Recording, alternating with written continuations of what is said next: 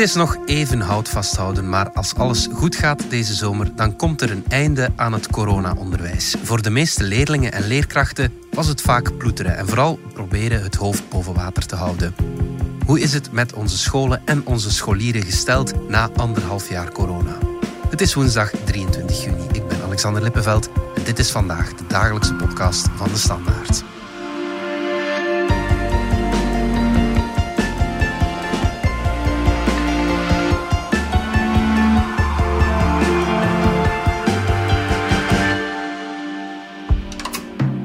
Onze krant brengt deze week elke dag het coronarapport van het onderwijs. Klaas Maanhout van onze binnenlandredactie. Jij maakte met politiek journalist Bart Brinkman afgelopen weekend al de balans op van het ministerschap van Ben Wijts. Tot nu toe krijgt onze minister van Onderwijs een goed rapport. Ik denk dat hij zeker voor de aanpak van corona van alle onderwijsexperts of alle belangrijkste partners, want we hebben natuurlijk niet zelf het rapport opgesteld, mhm. wel echt een goede evaluatie krijgt. Ehm, ik denk dat de minister enkele zaken heel goed heeft gedaan. Mhm. Hij heeft altijd een hele duidelijke lijn gezet. Zijn de, de scholen moeten zoveel mogelijk open blijven. Zou eens mijn mailbox moeten zien. Het is uh, geëxplodeerd vanaf het moment dat wij ook duidelijk gecommuniceerd hebben als Vlaamse regering dat wij wouden dat de scholen wel open zouden blijven, um, dat er mogelijkheid zou blijven bestaan voor opvang. Want eerlijk gezegd, niks zou zo gemakkelijk geweest zijn als te zeggen we sluiten de scholen. Heb ik geen last met vakbonden en dergelijke en iedereen trek uw plan, organiseer het mezelf, we sluiten de scholen.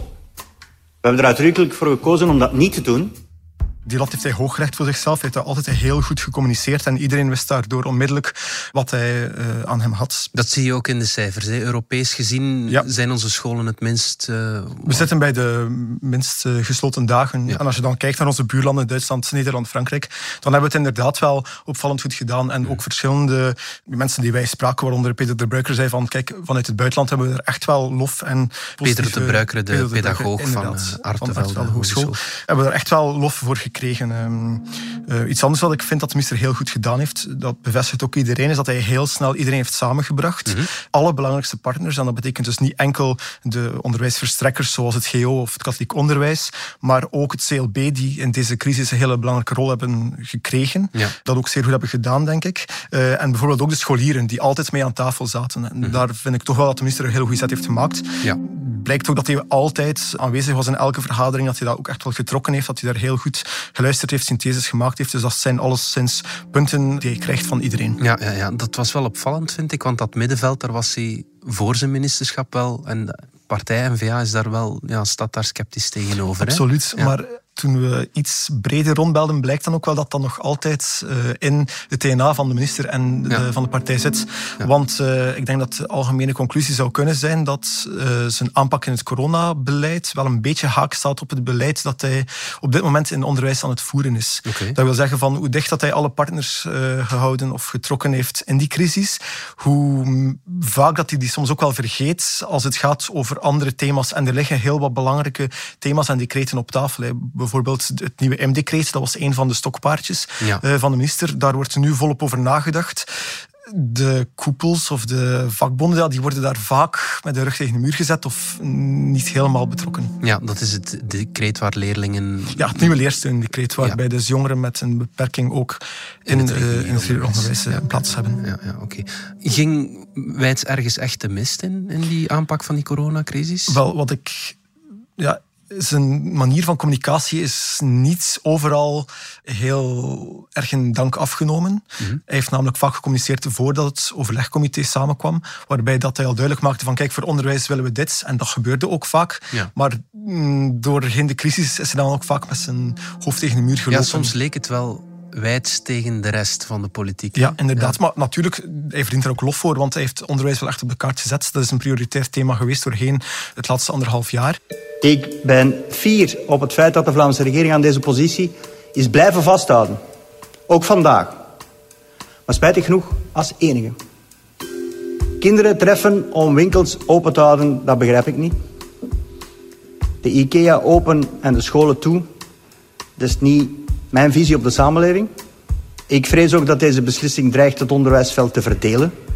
Dus er is een ontgoocheling na het werk van de voorbije maanden. Maar het zal ons niet tegenhouden om te blijven vechten voor het belang van scholen, kinderen en jongeren. Natuurlijk, door proactief te communiceren uh, riskeer je ook om wel eens te botsen. En dat is dus gebeurd. Uh, Ik denk het beste voorbeeld was de situatie voor de paasvakantie, waarbij er toch denk ik drie keer op één week tijd is moeten geschakeld worden in het onderwijs. Mhm. En je moet weten dat directies en ook leerkrachten, ook ouders wel het gevoel hadden dat er heel vaak, misschien te vaak, geschakeld werd in het onderwijs. Ja, ja, ehm, dat was eigenlijk sinds de start van de coronacrisis zo. Mm Zijn er groepen die zich ja, wat in de steek gelaten voelen door Ben Absoluut. Ik denk dat hij wel heel snel het onderwijslandschap heeft leren kennen, dankzij de coronacrisis. Ja. Hij heeft alle partners heel vaak gezien. Maar het verwijt dat hij krijgt is dat hij toch een beetje de minister was die enkel voor het regulier onderwijs sprak. Dus het lager onderwijs en het secundair onderwijs. Mhm. Alle andere groepen hebben eigenlijk echt zelf op de kaart moeten zetten. Bijvoorbeeld Ramonda Verdijk zei van, kijk, er is ook iets als het buitengewoon onderwijs, het busvervoer in het buitengewoon onderwijs. Ja. liep heel stroef in het begin, er was te laat aandacht voor. Ja. Uh, hebben we zelf op de agenda moeten zetten. Dan waren er uh, die verhalen dat er leerlingen zes uur per dag op de bus En dat zijn zelfs in niet-coronatijden normale toestanden. Maar dat was nu nog tragisch. dus uh, inderdaad, het was meer dan terecht uh, dat dat uh, op de agenda kwam.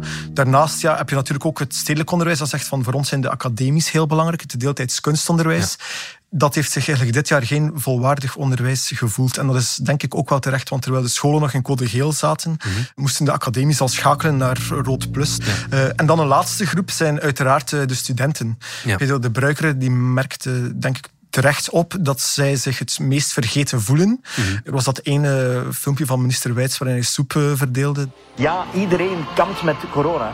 Maar niet iedereen kampt met en corona en dan ook nog eens examens. En vandaar een hart onder de riem, een steuntje in de rug en vooral veel vitamintjes via deze soep en deze overheerlijke balletjes.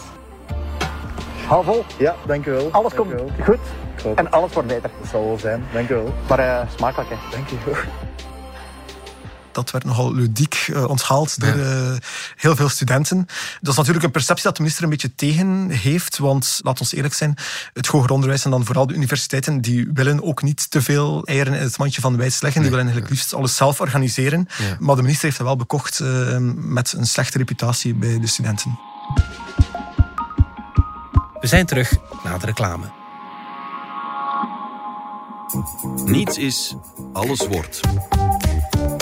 Dat hadden de Grieken 2500 jaar geleden al begrepen. En dat is nog altijd zo. Vandaag wellicht meer dan ooit. Maar hoe vind je je weg in een wereld die almaar sneller verandert? Kennis is het beste kompas, weten we bij BNP Paribas Fortis. En kennis hebben we en delen we graag. Dat doen we ook in de podcast Stand van Zaken. Valerie Droeven, mediaredacteur bij De Standaard. Jij werkte mee aan deze reeks en je stelde vast dat bijlessen ja, echt wel in de lift zitten. Ja. Dat was iets wat ik gewoon zelf in mijn eigen omgeving opmerkte. Hè. Mhm. Heel veel kinderen in mijn omgeving volgden bijlessen. Heel veel oudere kinderen gaven bijlessen. Mhm. Heel veel ouders panikeerden mhm. en gingen bijlessen bestellen. Ja. Maar daar zijn dus geen officiële cijfers over, want er is geen koepelorganisatie van de bijlesgevers. Maar we hebben naar de grote kantoren gebeld en het was echt, daar werd het echt bevestigd dat de vraag soms verdrievoudigd. Ja, ja. En hoe komt dat? Een van de belangrijkste redenen is natuurlijk dat een groot deel van de kinderen online lessen heeft gekregen. Mm. Dus in de allereerste lockdown is er minder onderwijs geweest. Daar is al een soort van achterstand opgelopen. Met die achterstand kwamen veel kinderen dan in een volgend leerjaar terecht en hadden het soms moeilijk om aan te klampen. Ja. Daar kwam dan nog bij dat zeker alles boven het tweede middelbaar eigenlijk tot het einde van het jaar heel veel online lessen is blijven krijgen. Je ziet dat scholen daar gaandeweg wel in geschakeld hebben, mhm. maar dat dat toch voor veel leerlingen erg moeilijk te verteren is geweest om de leerstof te vatten, eh, te structureren en zich te organiseren. Je ziet daar een soort van tweespalt. Hè. Sommige leerlingen ja, die, die floreerden daarbij, die konden op hun eigen tempo werken. Maar er is daarom geen rekening mee gehouden met leerlingen die dat net moeilijker hadden. Ja, dat is absoluut zo. Ik denk dat een, een belangrijke vaststelling in deze ook is dat, zeker toen september kwam, veel scholen niet ingerekend hadden dat ze dit nog een jaar gingen moeten doen. Mhm. Toen op dat moment leek corona onder controle, zeker voor het onderwijs, dat ging prioritair zijn. Dus heel veel scholen hebben op dat moment gedacht, de achterstand van eind vorig jaar, die gaan we nu tegen kerstmis wegvagen. Ja. Dus veel scholen hebben heel fel geschakeld en hebben heel veel leerstof naar de hoofden van de kinderen gegooid. En sommige kinderen inderdaad kunnen daar heel goed mee om, kunnen zich goed organiseren, kunnen daar uh, uh, leren liever alleen op een kamer dan in groep. Hmm. Maar er is ook zeker volgens mij een heel grote groep leerlingen die daarmee worstelt. Quentin Bospans uit Hasselt zit in het vijfde middelbaar en volgt momenteel economietalen. Ook hij kreeg het voorbije schooljaar bijlessen. Ja, met corona en zo, ja, ik snap de helft eigenlijk niet te goed van alles wat er werd uitgelegd met zo ja, afstandsonderwijs. In de les heb ik zo het gevoel, daar heb je zo wat leerdruk. Hè. Iedereen zit er in de les en die zijn allemaal aan het opletten. Dus dan heb je zo het gevoel van, je gaat niet even op de gsm iets doen in, de, in het midden van de les of zo. Als je thuis zit, hè, is er geen controle bijna, alleen soms van de ouders als ze thuis zijn. Hè. Ja, je zit gewoon veel makkelijker afgeleid. Daar heb je ook zo de kinderen die je kent, hè, en als thuis helemaal alleen, dat is ook niet leuk. Voor kerstmis hè, hadden ze zo uh, afstandsonderwijs, maar gaat dat wissel, wisselend. Dus onze klas, ik vond dat heel raar en zo. Ja, onze klas was in twee gedeeld. Eén deel ging op uh, maandag, woensdag, vrijdag en dan de volgende week dinsdag, donderdag. En de andere deel ging dan dinsdag, donderdag en dan volgende week. Dus zo deeltijd afwisselend. En ja, die leerkrachten die zaten dan op school en die konden geen live lessen geven. Behalve als het nu zo een uitzondering was bijvoorbeeld. Hè. De helft van de klas zat dan online en die moesten helemaal alleen. Geen uitleg van de leerkracht, alleen zo een Word document met een taak. Doe dit, kijk dat na en dat was het na kerst zie je wel dat veel scholen geschakeld hebben. Mhm. Hè, dat ze dat waarschijnlijk beseft hebben, dat dat feedback was die ze vaak gekregen hebben. En hebben ze in de plaats van de klassen in twee te delen, echt de, de, de volledige jaren in twee gedeeld. Hè. Dus een klas kreeg dan wel samen les Ja. en samen thuis. Zodat bijvoorbeeld de leerkracht wiskunde ze één dag allemaal fysiek had en de volgende dag allemaal online had. Hè. Dus dat die ook effectief online les kon geven. Ja. Ik denk dat dat al een verbetering was. Hè, dat, dat, al, dat je daar al een grotere groep leerlingen mee kunt meekrijgen. Ja, hè, omdat het dan interactiever is, er kunnen vragen gesteld worden. Maar het- je blijft wel met een situatie zitten, als die leerlingen thuis zitten, dat die zeven uur per dag achter een computertje, achter een schermpje zitten te werken. Dat, dat moet je niet vragen aan een 16-jarige. Dat moet je niet vragen aan een 16-jarige die graag gamet, want die moet achteraf ook nog huiswerk maken Ja. in datzelfde kamertje. Als Ja. je in het vijfde zit en je volgt Latijn wiskunde, wat een zware richting is, Ja. moet je herhalen. Mijn probleem tijdens corona is, al- als, we moeten dat allemaal achter die computer doen, hè, dan zit ik daar zo, heb ik dat gedaan voor de dag, en dan, ja, dan gebeurt er niks meer. Dan zit je zo al helemaal suf van de hele tijd dat computerscherm te zitten, en zit je weer helemaal suf. Dan heb je geen, ja, niet de, ja, de wil om, om nog te gaan werken voor huiswerk, vind ik. Dus vorig jaar in vierde, alles ging perfect tot en met Pasen, tot, tot aan die lockdown ongeveer. Hè. Toen had ik bijna overal door, en wiskunde was wel misschien iets min, maar de rest had ik ongeveer 80. Dan kwam die lockdown, en dan zag je mijn punten recht de grond in gaan. Of hoe moet dat recht de grond? Als je die grafiek ziet, dat is zo uh, stijgende rechten, soms een beetje dalen, en dan in één keer, hup, helemaal naar beneden. En daarmee ben ik dan veranderd naar economitalen, ook omdat ja, als het zo verder gaat, dan, ja, dan blijf ik gewoon zitten, denk ik. Hè. Dat was mijn gedachte. Ik, ik ken zes van mijn vrienden, en die zaten ook nog op school tot kerstmis, hè. En die konden er ook niet. Die konden er echt ook niet. En die zijn, alle zes zijn van school moeten veranderen. Omdat het zo slecht was. Ik, ik vind het super erg. Ik vind het echt, in het wiskunde deed ik zo graag. Ik vind ook zo dat ik het, zo een beetje het gevoel heb dat ik niet alles heb kunnen geven wat ik heb. Want ik ben wel, ik ben wel slim, maar ik ben niet idioot of andere mensen dat zo zien als je zo straks punten hebt. Maar ik heb gewoon niet alles kunnen laten zien wat ik in mijn hart heb aan die mensen. Ik denk in deze dat een van de grote vaststellingen wel moet zijn dat, dat leerlingen zich ook goed moeten voelen Ja. om te kunnen leren. Natuurlijk, het is moeilijk als je zegt dat sommige leerlingen er wel mee weg zijn en anderen niet. Ik denk niet dat de scholen echt veel te verwijten valt. Ik denk dat vooral dat virus veel te verwijten Ja. valt. Maar dat we wel moeten vaststellen dat daar voor een, voor een groep, een grote groep, achterstand is. Ja, ja, En dat die het moeilijk hebben gehad. Ja. Veel ouders en veel leerlingen grijpen dan terug naar bijlessen om die achterstand wat, ja, wat in te halen, wat bij te spijkeren. Dat is iets bijzonder duur.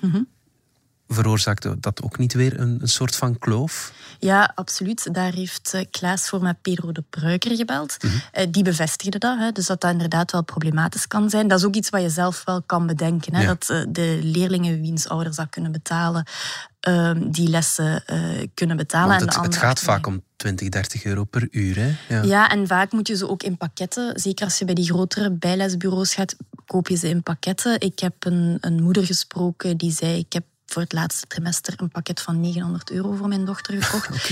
dat, is, dat was zelfs voor haar met twee werkende mensen een, een, grote som geld om zomaar even neer te leggen. Dus ja, het is duur.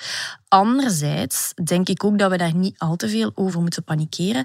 Want ik denk ook wel dat veel ouders sneller naar bijlessen overgegaan zijn. Hè. Mhm. Veel ouders zaten thuis te werken. Mm werden ook geconfronteerd met het leergedrag van hun kinderen en Wat panikeerden zelf. Niet zo is. Ja. Ja, ja, en, en, zijn veel sneller naar een bijleskantoor gestapt om hun kind bij te spijkeren. Je zegt sneller, maar bedoel je dan ook te snel? Niet te snel. Ik denk dat een deel van de verantwoordelijkheid voor dat leren ook bij die ouders is komen te mhm. liggen. Dat die zelf vaststelden, uh, vijfde middelbare wiskunde, daar kan ik niks meer mee. Dat is, uh, of ik moet een ganse dag werken, ik heb geen tijd. En dat die hulp zijn gaan inroepen. Wat een heel normale reactie is. Ja. Maar als we niet opletten, was ook een van de vaststellingen die de bruiker deed. Dit onderwijs, dit soort onderwijs, bestaat in heel veel landen al. Hè. Dat ouders die het zich kunnen permitteren, er geld tegenaan gooien om hun kind zo hoog mogelijk te laten scoren. Dat mensen die het zich niet kunnen permitteren afvallen omdat ze geen hulp krijgen. Dat hadden we eigenlijk niet in Vlaanderen. Hè. Hmm. Dat is, dat is Klaas, nee, inderdaad. Um, ik denk in de laatste PISA-resultaten is er zo één luikje daarover. En blijkt dat, dat ons... zijn die Europese gestandaardiseerde testen. Inderdaad, ja, ja. maar dat is een heel groot, breed onderzoek. En daaruit blijkt dat in België eigenlijk die sector van het schaduwonderwijs zeer klein is. Mm -hmm. Maar er stond toen wel al een waarschuwing dat dat enorm kon toenemen. En dat blijkt nu door corona enorm versneld te zijn. En ik vind dat zelf al een hele fascinerende ontwikkeling. Mm Ondanks dat die internationale onderzoeken zeggen van er is een enorme groeimarge, zien we dat er de komende jaren wel dingen op ons afkomen die dat een extra duwtje zouden kunnen geven. Mm Eén daarvan is die centrale toetsen. Dus minister Wijts heeft uh, ja, een soort van centraal examen ingevoerd. Dat wordt nu volop ontwikkeld. En dat betekent eigenlijk dat elke leerling in het tweede en zesde middelbaar een test zal moeten afleggen op het einde van het jaar. Ja, op over dit moment, heel Vlaanderen. Over heel Vlaanderen een gestandaardiseerde toets. Die zal waarschijnlijk niet bindend zijn. Mm. Het risico, risico, zit er altijd in dat die wel in bepaalde scholen wel uh, bindend zal zijn. En dat zien we, zeker in het buitenland, dat ouders dan onmiddellijk uh, veel sneller overstappen op bijles en dat die industrie zich daar ook naar organiseert. Ja. Naast enerzijds die uh, centrale toetsen, zien we ook dat er meer en meer eikingstoetsen komen op weg naar het hoger onderwijs. Dus voordat je aan een opleiding begint, moet je een verplichte eikingstoets, dus een, een toets die al uh, een beetje polst naar jouw achtergrondkennis en uh, die een semi-bindend karakter zal hebben. Mhm. Ook daar zal de markt op inspelen en dan ga je zien dat er daar toch ergens een, een boost komt. Dus ik vind, corona heeft nu iets in gang gezet en we zullen moeten zien hoe dat de komende jaren ontpopt of, of boomt. Ja, is dat per se negatief of moeten we het gewoon goed in het oog houden, zodat het niet de pan uitswingt uh, met die prijzen bijvoorbeeld? De bruiker zei daarover, en ik volg hem daar wel zeker in, hij was er voor de coronacrisis heel pessimistisch over. En het is ook zo, ik denk dat elke expert zal vaststellen dat dat de ongelijkheid kan vergroten of vergroot. Mm -hmm. Maar hij zegt van ja, er is één lichtpuntje bijvoorbeeld. Ik zie ook het fenomeen tutoring in Vlaanderen opduiken. Mm -hmm. En dat betekent eigenlijk dat vaak meestal in school door een leerkracht kleine groepjes of individuele leerlingen apart worden genomen en dat daar dan mee gewerkt wordt om dingen bij te spijkeren of in te halen. Ja. Hij zegt van ja, dat kan, het hoeft niet per se een negatief effect te zijn, maar sowieso dat schaduwonderwijs of die industrie van die bijlessen, dat zal ons onderwijs ongelijker maken. Mm -hmm. Maar daar merkte je dan ook bijvoorbeeld als je rondbelde, de, uh, de reflex van de ouders is hier heel belangrijk. Hè? Uh, heel veel ouders zeiden, de remedieringslessen, ja, dat is niet één op één. De kwaliteit van dit soort bijlessen is uh, veel beter. Mm. Dus enerzijds zegt die boom van die bijlessen wel iets over hoe goed of slecht veel scholen door corona gevaren zijn. Ja. Maar anderzijds denk ik dat het ook wel iets zegt over hoe ouders tegenover het onderwijs staan. Ja. En hoe perfectionistisch sommige ouders zijn en hoe, hoe hoog zij de lat leggen. Ja. Ik denk dat dat de twee factoren zijn die meespelen. Misschien moet daar ook eens beter over gecommuniceerd worden. Hè? Dat veel wat er tijdens corona gebeurd is, is snel schakelen geweest. Dus we moeten daar ook wel mild over zijn, denk ik. Mhm. Maar er zijn wel een paar dingen blootgelegd waar lessen uit moeten getrokken worden voor de komende jaren. Mhm. Laat ons nog even doorgaan op die ongelijkheid. Uh, Klaasje sprak met een leerkracht uit het beroepsonderwijs en die zei dat de situatie ja, ernstig is. Hè? Ja, dat klopt. En ik vind dat zelf ook wel een hele waardevolle stem, omdat zowel wij als krant, maar ook vanuit het beleid er misschien toch te veel naar uh, de middenklasse, het regulier onderwijs gekeken wordt. Ja, met de ASO-bril meestal. ASO-bril, waarbij dat wij het heel evident vinden dat onderwijs voor jongeren min 18 de grootste prioriteit is. En als je dan spreekt met iemand die uh, ja, meer in een complexe, en in deze was dan nog in de Brusselse context, les geeft, mm. merk je toch dat dat niet zo evident is en dat dat niet de norm zou mogen zijn. Ja, wat, wat was er dan zo complex aan die situatie? Wel, ik heb gesproken met een leerkracht die lesgeeft in de derde graad van een uh, beroepsschool. Um, dat zijn jongeren die uh, in Brussel les volgen, maar weinig affiniteit hebben met ons land. Want uh, zij vertelde dat eigenlijk geen enkele jongere ja, hier opgegroeid is. Mm. De meeste zijn eigenlijk ook uh, ja, schoolmoe. Ik denk dat we dat wel kunnen stellen. Ja. Die hebben al één of twee jaartjes gebist. Zijn vaak al eventjes gaan werken. Heel wat leerlingen in de derde graad zijn daar ook al meerderjarig. Mm. Uh, het is niet uitzonderlijk dat zij les geeft van jongeren van 22 die nog in het vijfde, zesde middelbaar zitten. Okay, dus dat is best wel een complexe situatie. Die, ze zegt ook zelf, ze zijn sociaal heel kwetsbaar ouders spreken geen Nederlands, worden vaak ook heel weinig ondersteund. En dan hebben we natuurlijk de dingen die corona ook heeft blootgelegd. Hè. In de eerste lockdown, stabiel internet thuis. Uh, jongeren moeten op de smartphone live lessen proberen te volgen. Het gaat uh, niet, hè? Dus een echte complexe en moeilijke situatie, denk ik, om ook als leerkracht mee om te gaan. Uh. Mm -hmm. en, en wat stelt ze dan vast? Wel, wat ik toch zelf een beetje verontrustend vind, is dat er wel echt jongeren af haken en ja. afgehaakt zijn. Mm. Uh, dat zijn jongeren die uh, heel veel nood hebben aan structuur, waarvoor dat die school echt wel iets kan betekenen. Maar door ja, de combinatie van de afstandsonderwijs en die, die lockdown, ja, merk je gewoon dat zij de interesse verliezen en ook vaak andere prioriteiten krijgen. Ja. Dan is school niet het meest belangrijke, maar vaak geld verdienen, ouder die werkloos is geworden, uh, zelf ja. dingen afbetalen, dus jobjes doen. Mm -hmm. Zij zegt, ja, sommige leerlingen slapen hier de ganse dag, omdat ze verleid worden tot nachtwerk betaalt goed. En dat vraagt een enorme flexibiliteit en heel veel geduld, vertelt ze. Absoluut, ja. Hoe, hoe, kunnen scholen dat oplossen? Wel, ik denk dat zij het aanpakte door best wel aanklampend te werken. En daar bedoel ik dan mee dat zij wel heel vaak interactie zocht met die leerlingen, ook als die, als die niet kwamen opdagen, door uh, voornamelijk WhatsApp mm. uh, te sturen van uh, alles oké okay met jou, we hebben je gemist vandaag in de les. Ja. Maar natuurlijk zijn er ook ondersteunende diensten. Ik denk dat elke school ondertussen wel samenwerkt met bepaalde welzijnspartners. En natuurlijk speelt het CLB daar ook een grote rol. Ja, ja, ja. Morgen brengen jullie een stuk over het mentaal welzijn van leerlingen. Hoe is het daar in het algemeen mee gesteld? Well, ik, ik, denk dat we uiteraard niet kunnen spreken over het mentaal welbevinden nee, van de leerling. Nee, nee. Maar je ziet natuurlijk wel, als je kijkt naar die cijfers van bijvoorbeeld de CLB-chats, die hebben nog nooit zoveel oproepen gekregen. Als je kijkt naar de cijfers van uh, verontrusting bij de CLB's, die zijn nog nooit zo hoog geweest. Dat zijn toch wel indicatoren waarbij dat je kunt afleiden dat er heel wat uh, aan de hand was dit jaar. En we hebben ook heel wat notkreten in de media gezien. Uh, via sociale media werden er heel veel oproepen gedeeld om meer aandacht te hebben. En ik denk dat dat absoluut klopt. verschillende experts, waaronder de gebruikeren, gaven ook aan van Aanvankelijk was mentaal welzijn geen thema. Mm. Uh, ook Lieve Boeven zei van dat was voor de minister geen prioriteit. Misschien voor ons allemaal te weinig prioriteit. Maar dat is het doorheen de crisis echt wel geworden. En je kan het, vind ik, ook niet loszien van onderwijs, mentaal welzijn. Ik vind echt, jongeren die puberen zijn al niet gemakkelijk om bij de les te houden. Die voelen zich al niet goed in hun vel. Jongeren die puberen en die eenzaam zijn, uh, die hebben geen interesse meer om te leren. Of uh, jongeren die heel veel stress hebben. Ik heb ook het gevoel dat door bijvoorbeeld die online lessen, dat is ook toch een klacht die ik vaak hoorde bij ouders, kinderen die halftijds online les en halftijds live les kregen, heel vaak als ze live les hadden, propte de leerkrachten alle toetsen op die dag. Ja. Uh, waardoor dat er soms vijf, zes toetsen een hele week lang hè, te leren waren. Wat ja. ook gigantisch veel stress Dan geeft krijg voor een je 14 een jaar. extra examenweek eigenlijk Ja, midden voilà. in school. Ja, En ja. Vaak, vaak denk ik wel dat kinderen met zo'n gevoel naar school gegaan zijn. Dus het gaat niet alleen over eenzaamheid, het gaat niet alleen over je hobby's niet meer kunnen doen. Het gaat ook over ik kan dit niet meer gestudeerd krijgen, wat Mm. er hier van mij gevraagd wordt. In het middelbaar is het denk ik ook wel veel moeilijker als in een lagere school waar je één leraar hebt Ja. voor alle leer, eh, voor alle leerlingen die ook in het oog houdt hoe het met hen gaat.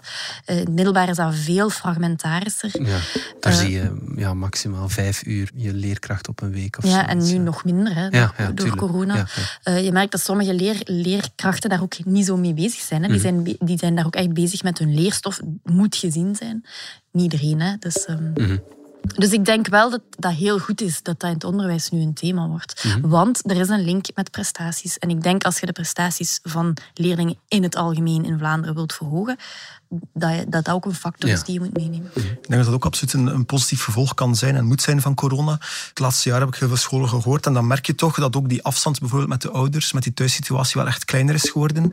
Waar je vorig jaar in maart nog merkte dat bepaalde scholen totaal geen idee hadden hoe de thuissituatie was, wat de relatie is tussen kind en ouder. Merk je dat daar vandaag echt wel veel meer aandacht voor is en denk ik ook dat daar wel echt vruchten van geplukt worden. Ja, scholen krijgen een completer beeld van wie er in de klas zit. Dat Absoluut, is het ja. Zijn er nog dingen die, ja, die een positief gevolg kunnen hebben? Wel, ik denk dat eh, een van de grootste thema's, of meest belichte thema's, absoluut de digitale sprong of de digitalisering is. En meer dan terecht ook, denk ik. eh, onderwijsexpert eh, Dirk van Damme die gaf aan van ja, oké, Vlaanderen was niet klaar voor corona. Je kunt er natuurlijk nooit klaar voor zijn, maar we stonden echt wel achteraan in de rij. Dat is heel snel pijnlijk duidelijk geworden en we hebben daar wel al sprongen gezet. Ik denk dat elke leerkracht daar enorme sprongen heeft gemaakt, maar er is nog heel veel progressiemarge. Ja. De minister heeft natuurlijk ook veel geld voor vrijgemaakt. Eh, in de digisprong, ik denk dat het ongeveer over een 375 miljoen euro gaat. Mhm. Hij heeft dan ook de belofte gedaan dat elke leerling in de toekomst wel een laptop zal krijgen. Want eh, we stellen vast dat vandaag nog altijd in secundair onderwijs denken we 1 à 2 procent van de jongeren die geen pc of laptop in huis heeft, in heel het huis heeft. En eh, daaraan gekoppeld de vaststelling dat we toch met ons afstandsonderwijs dat we nu organiseren ook een beetje nieuwe lesinhoud willen geven. Dat kan je denk ik enkel doen wanneer dat je ook alle jongeren kan bereiken. En vandaar dit initiatief. Het is, het eh, Digitaal Vlaanderen, maar het is vooral een warm Vlaanderen. Maar ja, je ziet natuurlijk dat er al een digitale kloof is in Vlaanderen. En het gaat niet enkel over de kloof tussen arm en rijk. En die is er zeker en die zal ook groter geworden zijn.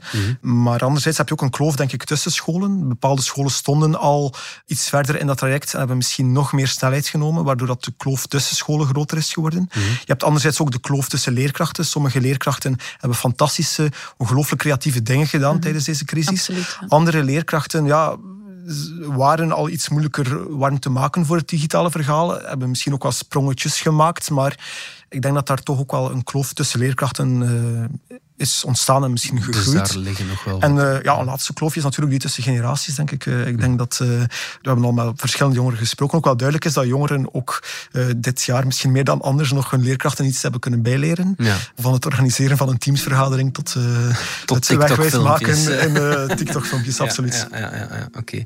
Ehm, laat ons even vooruitblikken naar 1 september. Het, is, het ligt nog even van ons, maar hoe zal die eerste schooldag eruit zien? Er is al een klein overlegje geweest en ik denk dat iedereen zal zeggen dat we hebben geen glazen bol. Eh, maar de cijfers gaan uiteraard de goede kant op en ik denk dat het onderwijs hoopt te starten in code groen, wat ooit in een draaiboek is eh, neergeschreven. En dat betekent denk ik dat we hopelijk kunnen starten zoals het laatste normale schooljaar is begonnen. Ja. Dat betekent voltijds eh, naar school en hopelijk zonder mondmasker, maar dat zullen we moeten zien denk ik midden of eind augustus. Ja, hopen eh, dat het goed evolueert. Maar eerst nog een fijne zomer eh, voor al die scholieren. Die is dik verdiend, denk ik. Hopelijk zo zorgeloos mogelijk. Goed, Valerie, Klaas, dank jullie wel. Dit was vandaag de dagelijkse podcast van De Standaard. Bedankt voor het luisteren. Reageren kan via podcast.standaard.be. Alle credits vind je op standaard.be-podcast. Morgen zijn we opnieuw.